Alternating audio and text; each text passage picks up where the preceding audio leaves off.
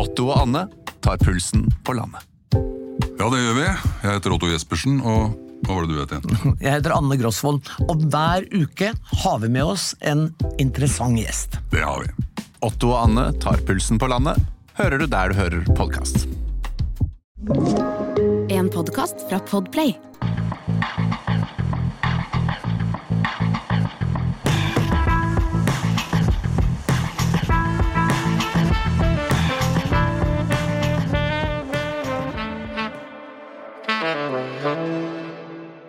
Det er krig i Midtøsten. I november kan Donald Trump igjen bli valgt som president, og Afghanistan virker fortapt. Men fortvil ikke, alt er løsbart. Tidligere diplomat Kåre Aas, velkommen. Takk, takk. Hyggelig å være her, Fredrik. Takk. Du har vært utstasjonert bl.a. blant annet i Washington DC og Tel Aviv som eh, norsk ambassadør til USA og Israel. Vi skal komme tilbake til det, men først så drar vi dit hvor vi traff hverandre første gang. Det var i Afghanistan. Du var ambassadør i Kabul. Hvor overrasket er du over at eh, Kabul falt eh, da for to og et halvt år siden? Det var overraskende, ikke bare på meg, men det var overraskende for de aller, aller fleste. Og eh, det som overrasket meg, var at det falt så fort. At det gikk så fort, liksom. Fra det store internasjonale militære nærværet, og også liksom styrkene på afghansk side. Og at det bare kollapset faktisk i løpet av noen timer. Mm. Jeg, jeg, var der da. Jeg, jeg, du vil si jeg fløy inn og landet tre timer før Kabul falt. Um, og da hadde vi hatt en diskusjon eller Jeg og, og redaktørene mine hadde en diskusjon kvelden i forveien når jeg skulle fly inn fra Tyrkia. Så sier de at uh, Sikker på at ikke Taliban nærmer seg Kabul litt for fort nå. Nei, sa jeg. Jeg skal bare være der tre-fire-fem dager og lage noen reportasjer, og så drar jeg ut igjen. Så de blir nok stående utafor såpass. Så kom jeg inn, og så tok det altså tre timer ja. før, de, før, de, klarte dette. Um, men hvorfor klarte ikke de amerikanskledede styrkene å vinne, tror du? Jeg tror at uh, Jeg tror at man overdrev betydningen av hvor, hvor effektive og sterke afghanske, de afghanske sikkerhetsstyrkene var. Og jeg tror at på mange måter at man ikke helt i internasjonale samfunn har fått med seg liksom, hvor lojalitetsbåndene går i Afghanistan når ting skjer, og, og man må bytte side. Så, så, skjer det veldig fort, og det tror jeg liksom på mange måter ligger også i den afghanske kulturen. Jeg mener jo gjennomgående at uh, det internasjonale samfunnet, meg selv inkludert, liksom, hadde en for dårlig forståelse av det afghanske samfunnet. Uh, forhistorien, historien, og hvordan faktisk relasjonene var mellom, uh, mellom afghanere.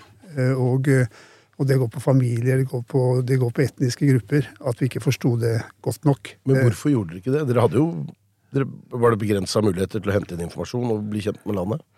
Nei, men noe, noe, av problemet var at det var for raske rotasjoner. Eh, det, er en, altså, det, er jo noen som roterte hver, hver, hver, hver sjette måned. Eh, og eh, Norge hadde jo et lengre liksom, Diplomater var der lenger, liksom. Ja, men altså, amerikanere bytta jo hver sjette måned, både militære og de, de som jobba på ambassaden. Og da, samtidig som jeg tror liksom, en av utfordringene også fra det internasjonale samfunnet var at det, det var for få som reiste rundt i landet. Jeg husker at jeg Det var jo farlig? Jo, jo men allikevel så uh, gikk det an. Altså, jeg var jo selv i Kandahar på et tidspunkt, liksom, og jeg kom tilbake til Kabul. husker De trodde jeg var helt gal som hadde gjort det. liksom. Men, men bare det liksom å tro at, det, at Afghanistan er Kabul, blir også feil. Eller at det er Mazar-e Sharif som er i nord. liksom, at det, Vi kjente ikke samfunnet godt nok. Det mener jeg er en, en, en, en grunnleggende lærdom fra, mm. fra, det vi gjorde. Det er jo noe vi journalister lærte også. Og vi sleit jo med å komme rundt og men det var mye av sikkerheten. Det var uh, mye logistikk som skulle til, og det var komplisert å sette opp eh, reiseruter som var innenfor det som redaktøren aksepterte. Eh, og så er det klart at vi hadde et dødsfall i 2008, da Serena hotell ble angrepet, hvor Karsten Thomassen fra Dagbladet omkom. Det gjorde jo at redaktørene ble veldig stoppet opp og tenkte ok, hvor trygt er det å sende folk ut? Heldigvis så fortsatte de å gjøre det, slik at vi kunne fortsette å dekke det. Men, men det, er, det, er, krevende også for sjefene våre å skulle ta de avgjørelsene. Det samme, det samme er på myndighetssiden her hjemme. Altså Etter Serena så endret mye seg når det gjaldt liksom, sikkerhetsopplegget til, eh, til våre utsendte. Hele UDs ja, en av dine kolleger ble jo ble Ja, jeg ble, var jo også en del av Serena. Jeg ble skadet heftig, liksom. Mm. Ja. Ja. Du fulgte forhandlingene mellom USA og Taliban tett. De foregikk i Doha i Qatar.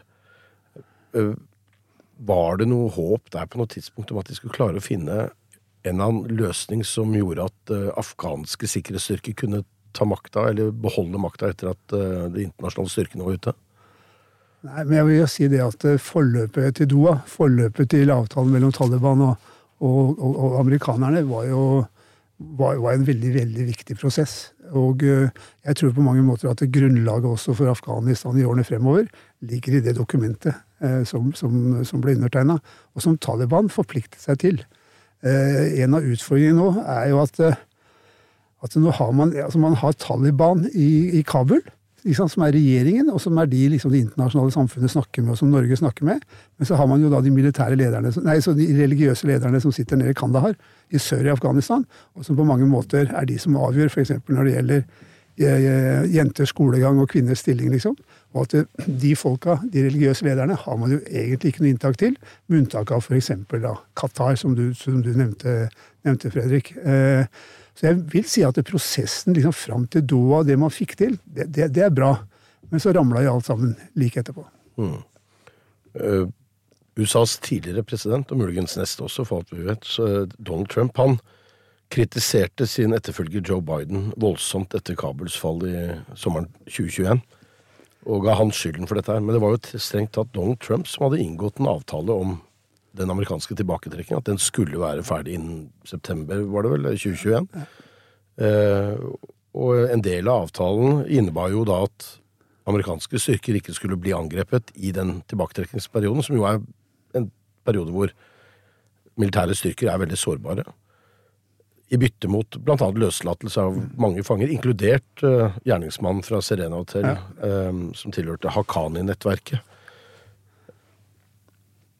Hva tenker du om uh, hva tenker du om den avtalen Donald Trump inngikk? Var det en smart avtale?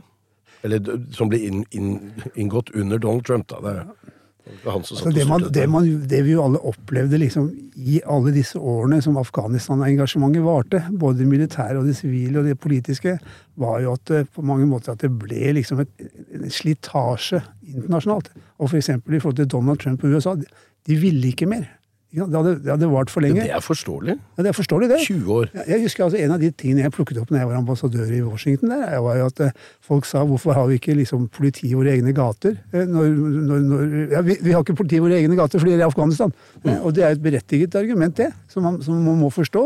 Og det var en av driverne, vil jeg si, i forhold til at dette at man inngikk den avtalen. da, og, og og eh, så, så Jeg syns ikke det er noe å kritisere ved det, men det er mer en politisk realitet i USA. Mm.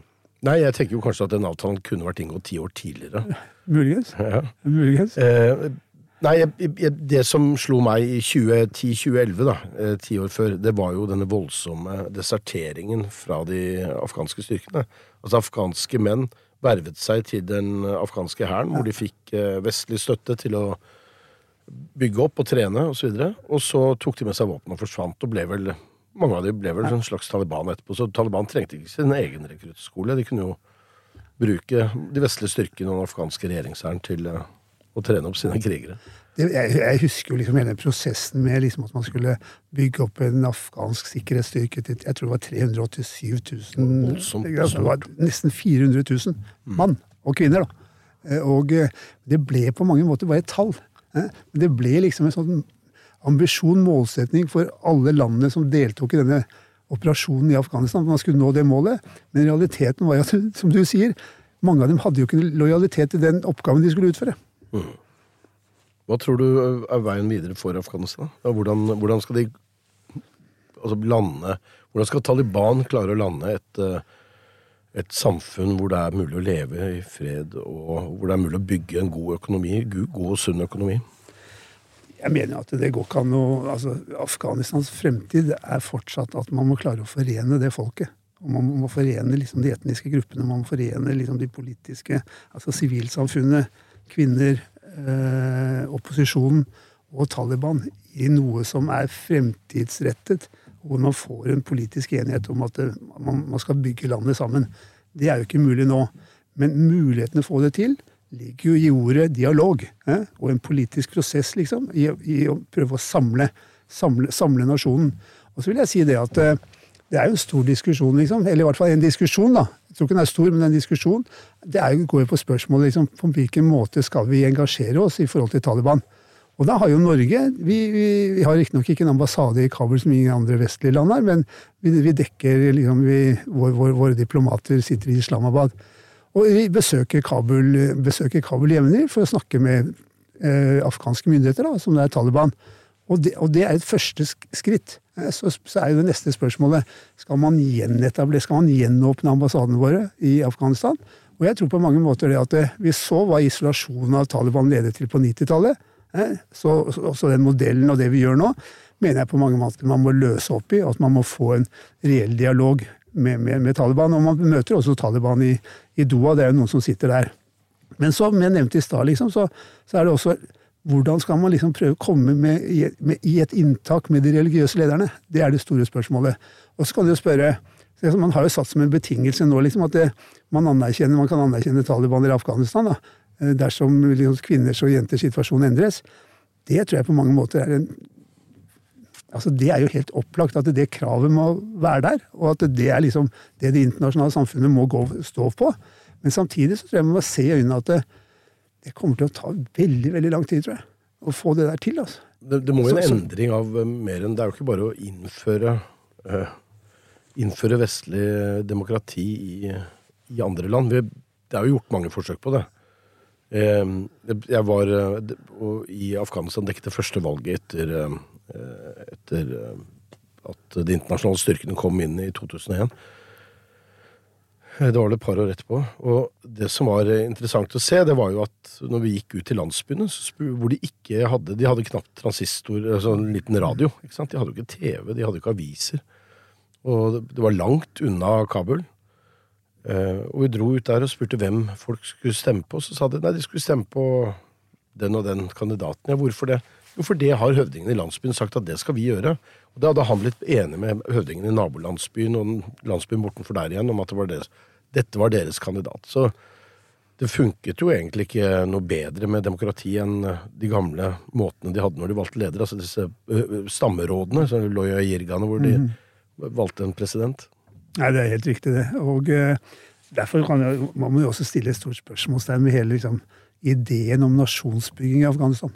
At man skulle utvikle dette her til et vestlig, ikke et vestlig samfunn, men i hvert fall med demokratiske verdier og liksom et, et, et, liksom et, eksempel i, i Sentral-Asia. Og eh, det feila jo gedigent. da. Altså, Vi gjorde jo veldig, veldig mye, men alt har jo liksom på mange måter om ikke kollapsa, så er mye av det ligger i grus nå, altså. Etter overtagelsen. Det er mange som har forsøkt å innta Afghanistan. Sovjet, Alexander den store, Djengis Khan. Ja. Britene prøvde å få kontroll over dette. her. Eh, En veldig ung eh, løytnant med navn Vincent Churchill skrev i en bok eh, på slutten av 1800-tallet. Eh, Så skrev han i en bok at pashtunerne, som da altså folket som er i grensetrakten mellom Afghanistan, eller i Afghanistan og Pakistan, de er umulig å slå, fordi de kan være fiender og slåss seg imellom, men i det øyeblikket det kommer en ytre fiende, så blir de brødre og slåss eh, og blir sterkere. Jo sterkere fienden kommer inn, jo sterkere blir det. Helt umulig. Så han anbefalte ingen å forsøke seg på det. Jeg tenker at Både Sovjet og amerikanerne kunne ha lært litt av eh, Winston Churchill og Absolutt. britisk Absolutt. historie. Jeg forteller en historie da jeg, da jeg dro til Afghanistan i 2008. Jeg tror jeg kom dit i, i juni. Eh, Så en av de første jeg snakket med, var en, en, en militær leder. Så spurte han ja, du, hvor mange talibanere tror du det er i Afghanistan. Og han sa 3000. Og så gikk jeg til en min pakistanske kollega og spurte jeg, du, hvor mange talibanere tror du det er. Så alle sammen, sa han. Ja. ja, for det er en bevegelse, ikke sant? Det er en bevegelse. Det er jo ikke en, en, en sånn militært hierarki og en veldig sånn strukturert eh, hær. Det er, er Du er Taliban hvis du tar opp eh, våpen og slåss mot en ytre fiende. La oss bevege oss eh, da langt fra Afghanistan og vestover til, eh, til USA. Du var ambassadør der. Jeg traff deg der òg. Ja, ja. De, eh, de- fleste årene jeg var eh, korrespondent der, fra 19, eh, nei, 1917, har du hørt. Eh, det var første verdenskrig. Jeg blander de krigene. Det er har blitt så mange år, vet du, Kåre. Men eh, de, de årene jeg var der, fra 2017 til eh, eh, 2022, så var du uh, ambassadør i, i eh, Altså de fleste av de årene var de ambassadør i USA. Så vi traff hverandre, blant annet under covid, og jeg husker at jeg var på og spiste middag hos deg. Fordi du var jo den eneste jeg kjente som hadde langt nok spisebord. Så jeg følte meg som en av Putins gjester der jeg satt. Vi hadde avstand. Vi hadde avstand. Nei, vi hadde avstand på begynnelsen. av måte. Desserten ble inntatt stadig tettere. Ja, ja. Men det, det var hyggelig. Um, men det var spennende år. Utrolig spennende år å være der som korrespondent, og det må det ha vært som diplomat også, med, med Donald Trump. Ja. Jeg var jo så heldig også, og jobbet jo i Washington også tre og et halvt år med Obama. Så jeg hadde liksom tre og et halvt år med begge. Eh, Og, eh, og den overgangen og eh, var jo veldig, veldig radikal, da. Og førte til store utfordringer for, for mange. Ja, nå er det kanskje spennende igjen. Men ja, altså utfordringen, den uforutsigbarheten til Donald Trump må ha vært utfordrende. Dette med at han ville ha handelsoverskudd med alle land, og innførte en slags straffetoll på blant annet norske varer. Norsk aluminium, var det vel, kanskje? Ja, Ja, Men jeg, vil si det sånn at eh, samtidig altså Det var jo veldig veldig mye støy. Det var støy hver dag.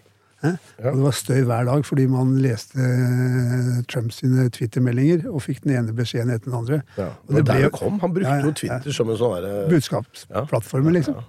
Og det ble på mange måter nesten bare verre og verre.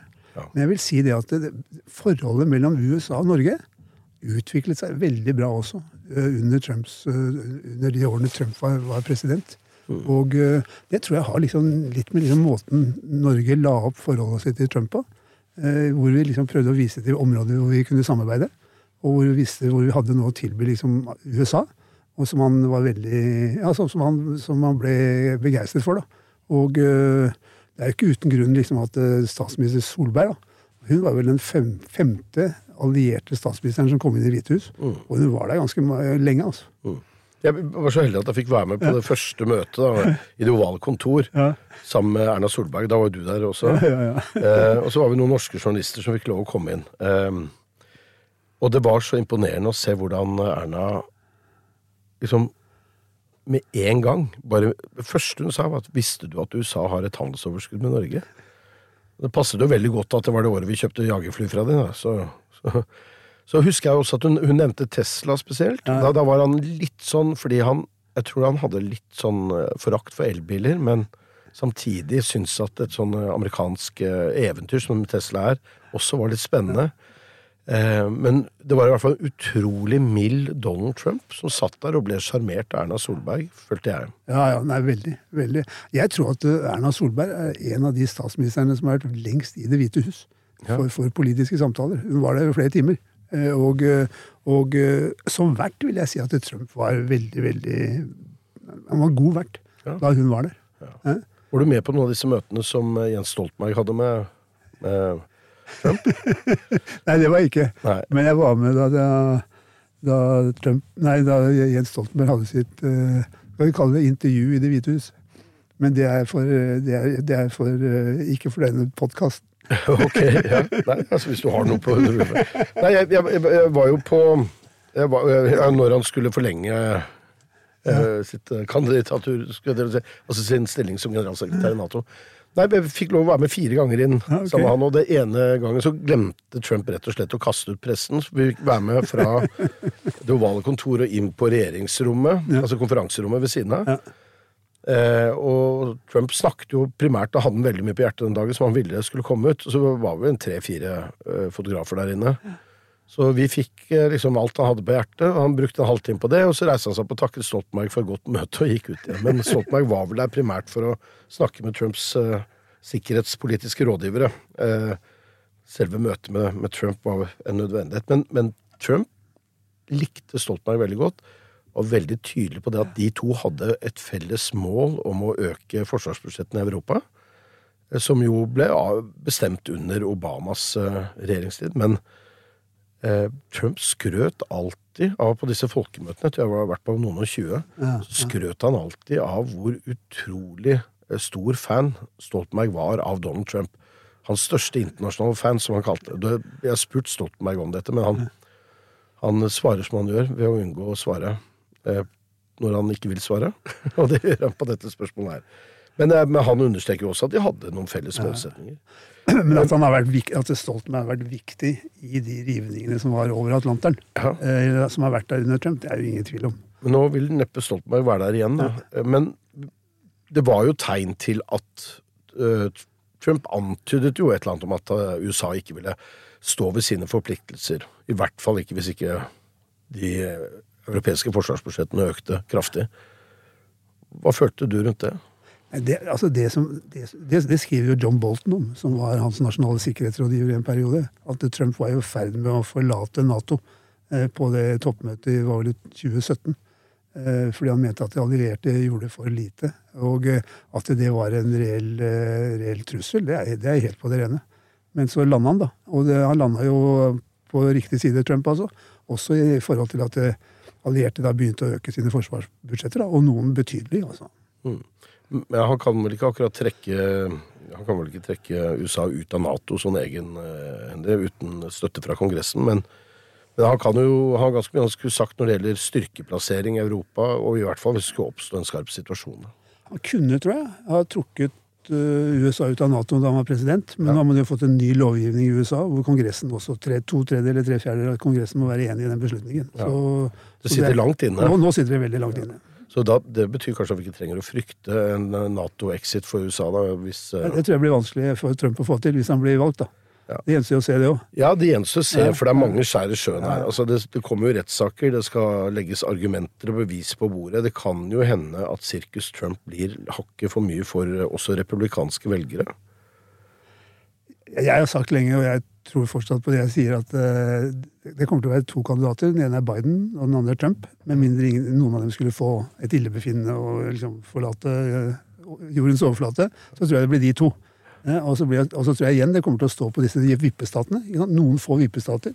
Altså, eh, Biden vant med 58 000 stemmer sist. Han fikk flere millioner flere stemmer enn Trump, men i disse vippestatene så vant han med 58 000 stemmer. Og jeg tror Hillary Clinton i 2016 hun tapte med 48 000. Så det, blir, det kommer til å bli jevnt en gang til. Ja, Det valgsystemet er jo Ja. på en måte, Det virker veldig udemokratisk. Jeg forstår at det var praktisk for 250 år siden. Men uh, vi har fått litt bedre kommunikasjonsmuligheter nå, så kunne det kanskje vært endret. Men det vil Ja, vel du har noen delstater på én million, og Alaska på liksom under en million, tror jeg, som begge liksom teller like mye. da. Ja. I likhet med California, mener jeg. ja.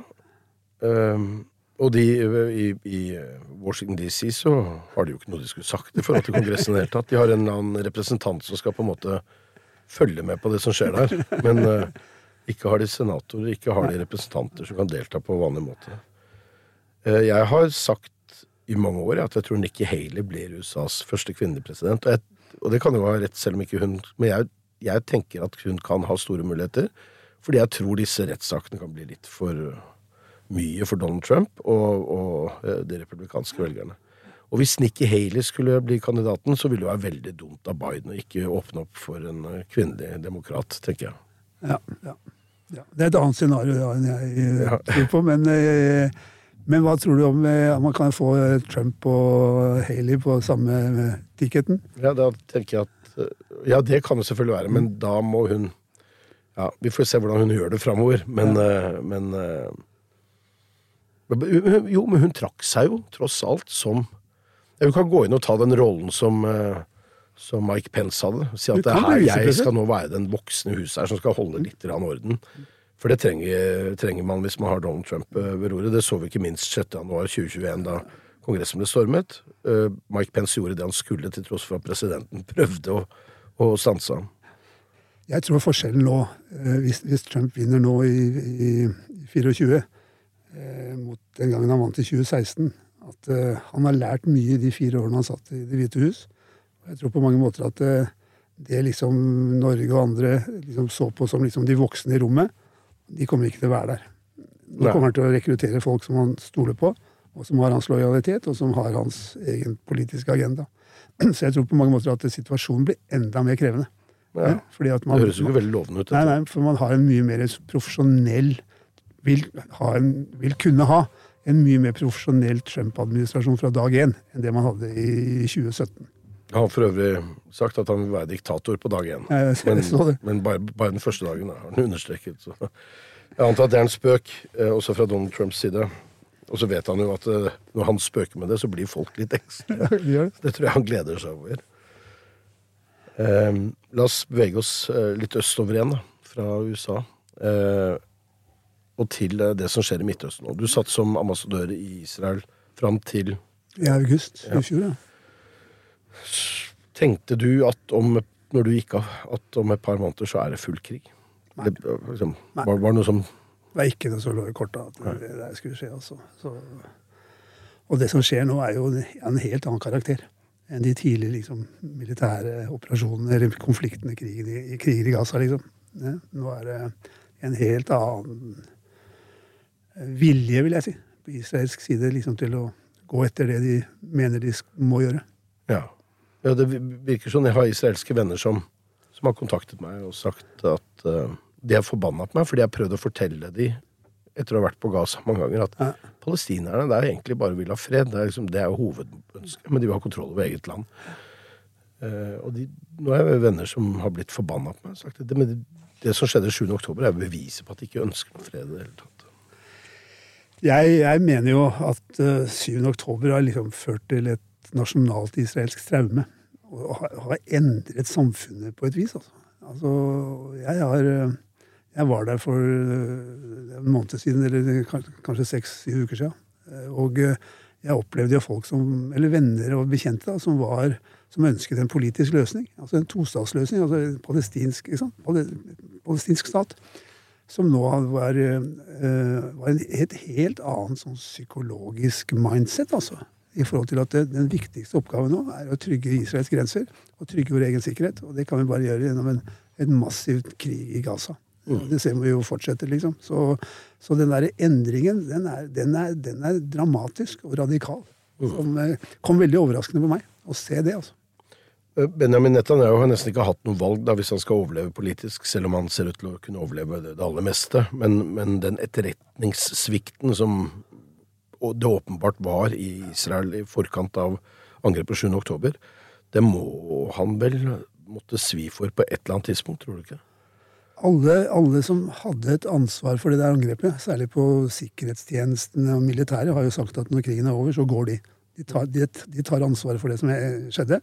Den eneste som ikke har sagt det, er jo statsministeren, Netanyahu. Eh, Og, eh, og han har jo i hvert fall eh, ni, ni liv. Kanskje han har enda flere. Og, eh, og det gjenstår da å Altså, Så lenge han beholder et flertall i Knesset, så trenger han ikke å gå av. Men at det kommer til å være et massivt nasjonalt krav om at han skal gå av, det er klart. Så, så hvordan den dynamikken der kommer til å spille ut, blir jo veldig veldig interessant å, å følge. da. Det å være ambassadør til Israel, det er, det er jo en spesiell rolle fordi Norge har, eh, og har hatt i lang tid store interesser og pleier et godt forhold med begge parter. Ja. Eh, Norge har eh, siden eh, altså i 30 år sittet med ansvar for lederlands... Giverlandsgruppa Ja, ja, ja, til palestinerne. Altså de som da gir pe penger til palestinerne slik at de kan opprettholde en eller annen form for stats, statsdannelse. Hvordan følte du på det ansvaret? Jeg vil jo si at det var veldig, veldig altså Det høres så tullete ut, men det var veldig givende, veldig givende å være der. Det var interessant å være der. Eh, Det er et lett samfunn å jobbe i i forhold til mell mellommenneskelige relasjoner. Altså å knytte kontakter. Veldig, veldig enkelt.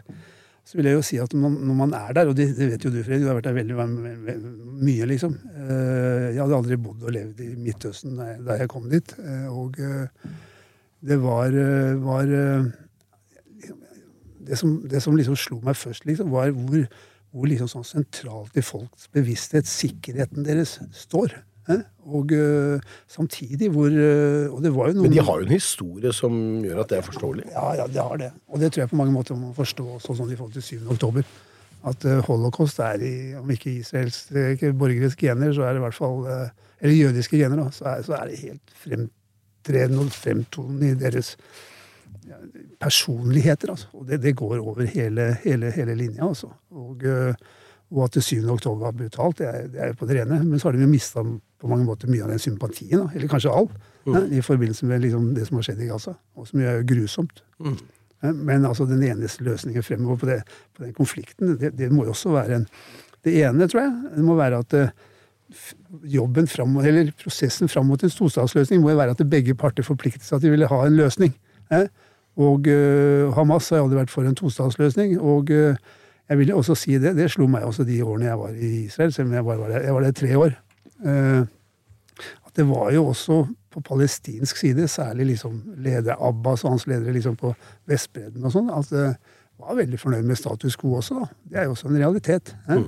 Og samtidig som det var null vilje på israelsk side til å bevege seg en millimeter i forhold til å innlede en politisk prosess med, med, med palestinerne. Så det er på mange måter man, Jeg tror det som må skje nå, er liksom at man må det ene er kanskje sånn palestinsk forsoning, altså ha, øh, prøve å få til det. Men det andre det er jo også at man på palestinsk side man, må ha valg. Man kan ikke, man kan ikke liksom Abbas ble valgt tror jeg, i 2004 eller 2005. Ja, og sitter, 20 år etterpå så sitter han fortsatt der, liksom, uten at det har vært valg. i vært valg, og det er jo noe man ikke kan leve med over tid. Altså Palestinerne må få velge sine egne ledere. og Derfor ser man jo også nå liksom at det palestinske lederskapet har jo ikke noen tillit, ingen legitimitet i, i, blant, i befolkningen. Israels uttalte mål med bombingen av Gaza har jo vært å ramme Hamas og stanse den trusselen som Hamas og andre væpna palestinske grupper utgjør overfor Israel.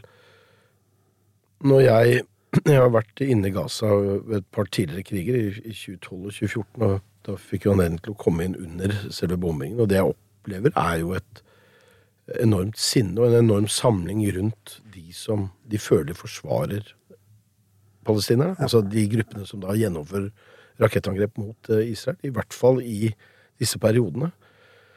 Fordi de ønsker at noen skal stå opp for dem. Og så ser jeg jo at uh, det, det, brer seg et voldsomt sinne blant palestinere, spesielt unge palestinske menn. Så det Israel oppnår, om ikke annet, om de ikke klarer å utslette Hamas, det er i hvert fall å øke rekrutteringsmulighetene for Hamas og andre grupper som, som ønsker å angripe Israel. Jeg tror ikke det er noe tvil om at befolkningen radikaliseres, og støtten til Hamas går jo opp både på Vestbredden og i Gaza. Jeg så noen sånne tall på det her om dagen, og det er jo dramat, eller radikalt, eller dramatisk hvor, hvor, sterk støtten har blitt, liksom. Og jeg tror på mange måter at det, din forklaring er eh, veldig, veldig er riktig, da. I, I, den forstand at du radikaliseres når du blir utsatt for den typen ja, ja, du ser at familiemedlemmene dine dør. og Jeg hørte om en palestiner. Han bor, på, han bor i Tel Aviv. og han, Hans mor mistet, han mistet 42 familiemedlemmer. Eller, sånn. eller 42 medlemmer av slekta si. Det er voldsomme tall. Og at det er med på radikalt, det er ikke noe tvil om. Er ikke det, altså. Har du vært overrasket over at uh, Joe Biden ikke har lagt sterkere, i hvert fall ikke tydeligere sterkere press på Israel for å stanse bombingen? Men jeg, synes man, jeg, vet ikke om jeg er blitt overrasket, men jeg, det, er, jo ikke noe tvil om at det, det israelerne gjennomfører, og Netanyahu gjennomfører, er av liksom støtten fra, fra, fra, fra, Washington. Samtidig så ser man jo en utvikling liksom i det, også i den amerikanske eh, budskapene. da. Den blir jo, den blir jo liksom strammere og strammere. I hvert fall i forhold til når det gjelder sivile tap og liksom beskytte sivilbefolkningen. Eh, men jeg, min oppfatning er at, eh, at det vil ta fortsatt en tid før, før uh, de vil si at nå, nå må kamphandling, altså amerikanerne vil si at kamphandlingen vil slutte, tror jeg. Så, men man ser jo også at Nå var jo Blinken han var jo nettopp, ja, utenriksministeren også, han var jo nettopp i han var vel i syv eller ni land.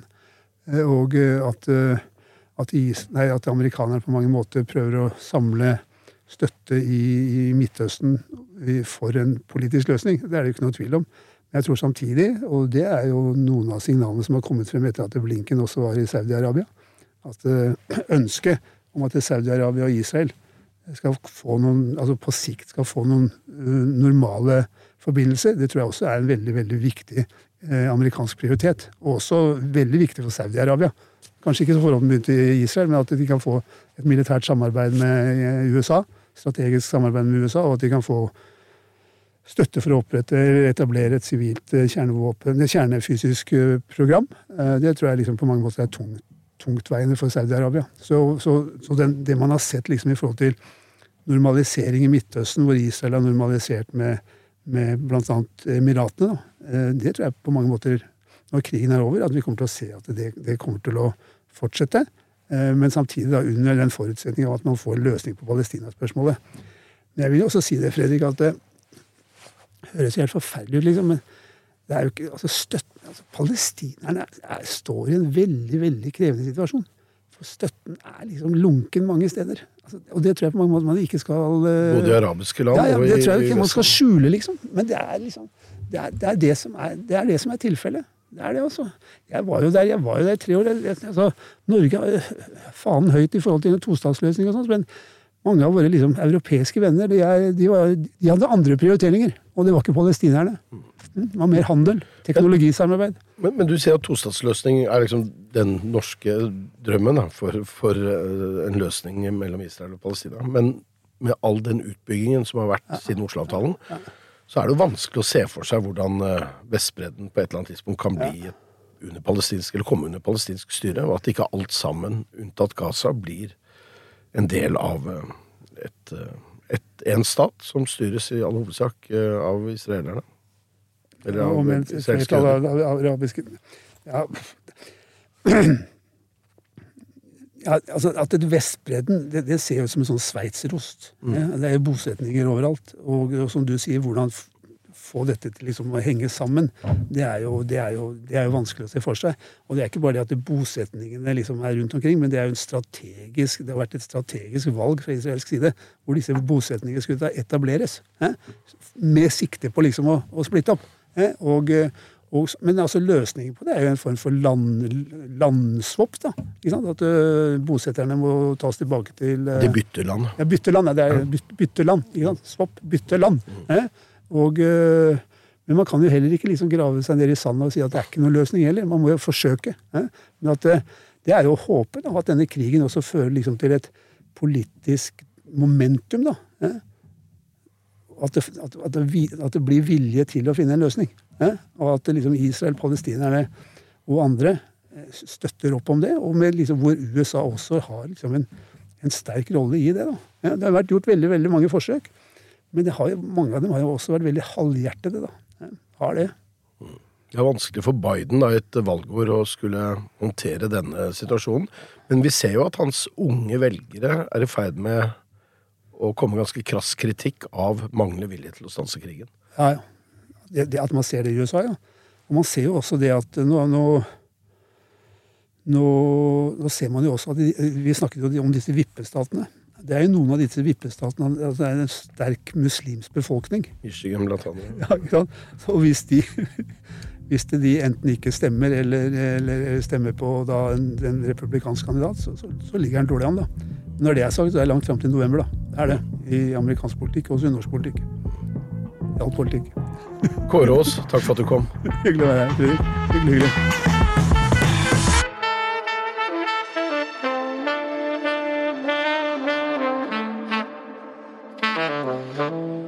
Du har hørt en podkast fra Podplay. En enklere måte å høre podkast på. Last ned appen Podplay, eller se podplay.no.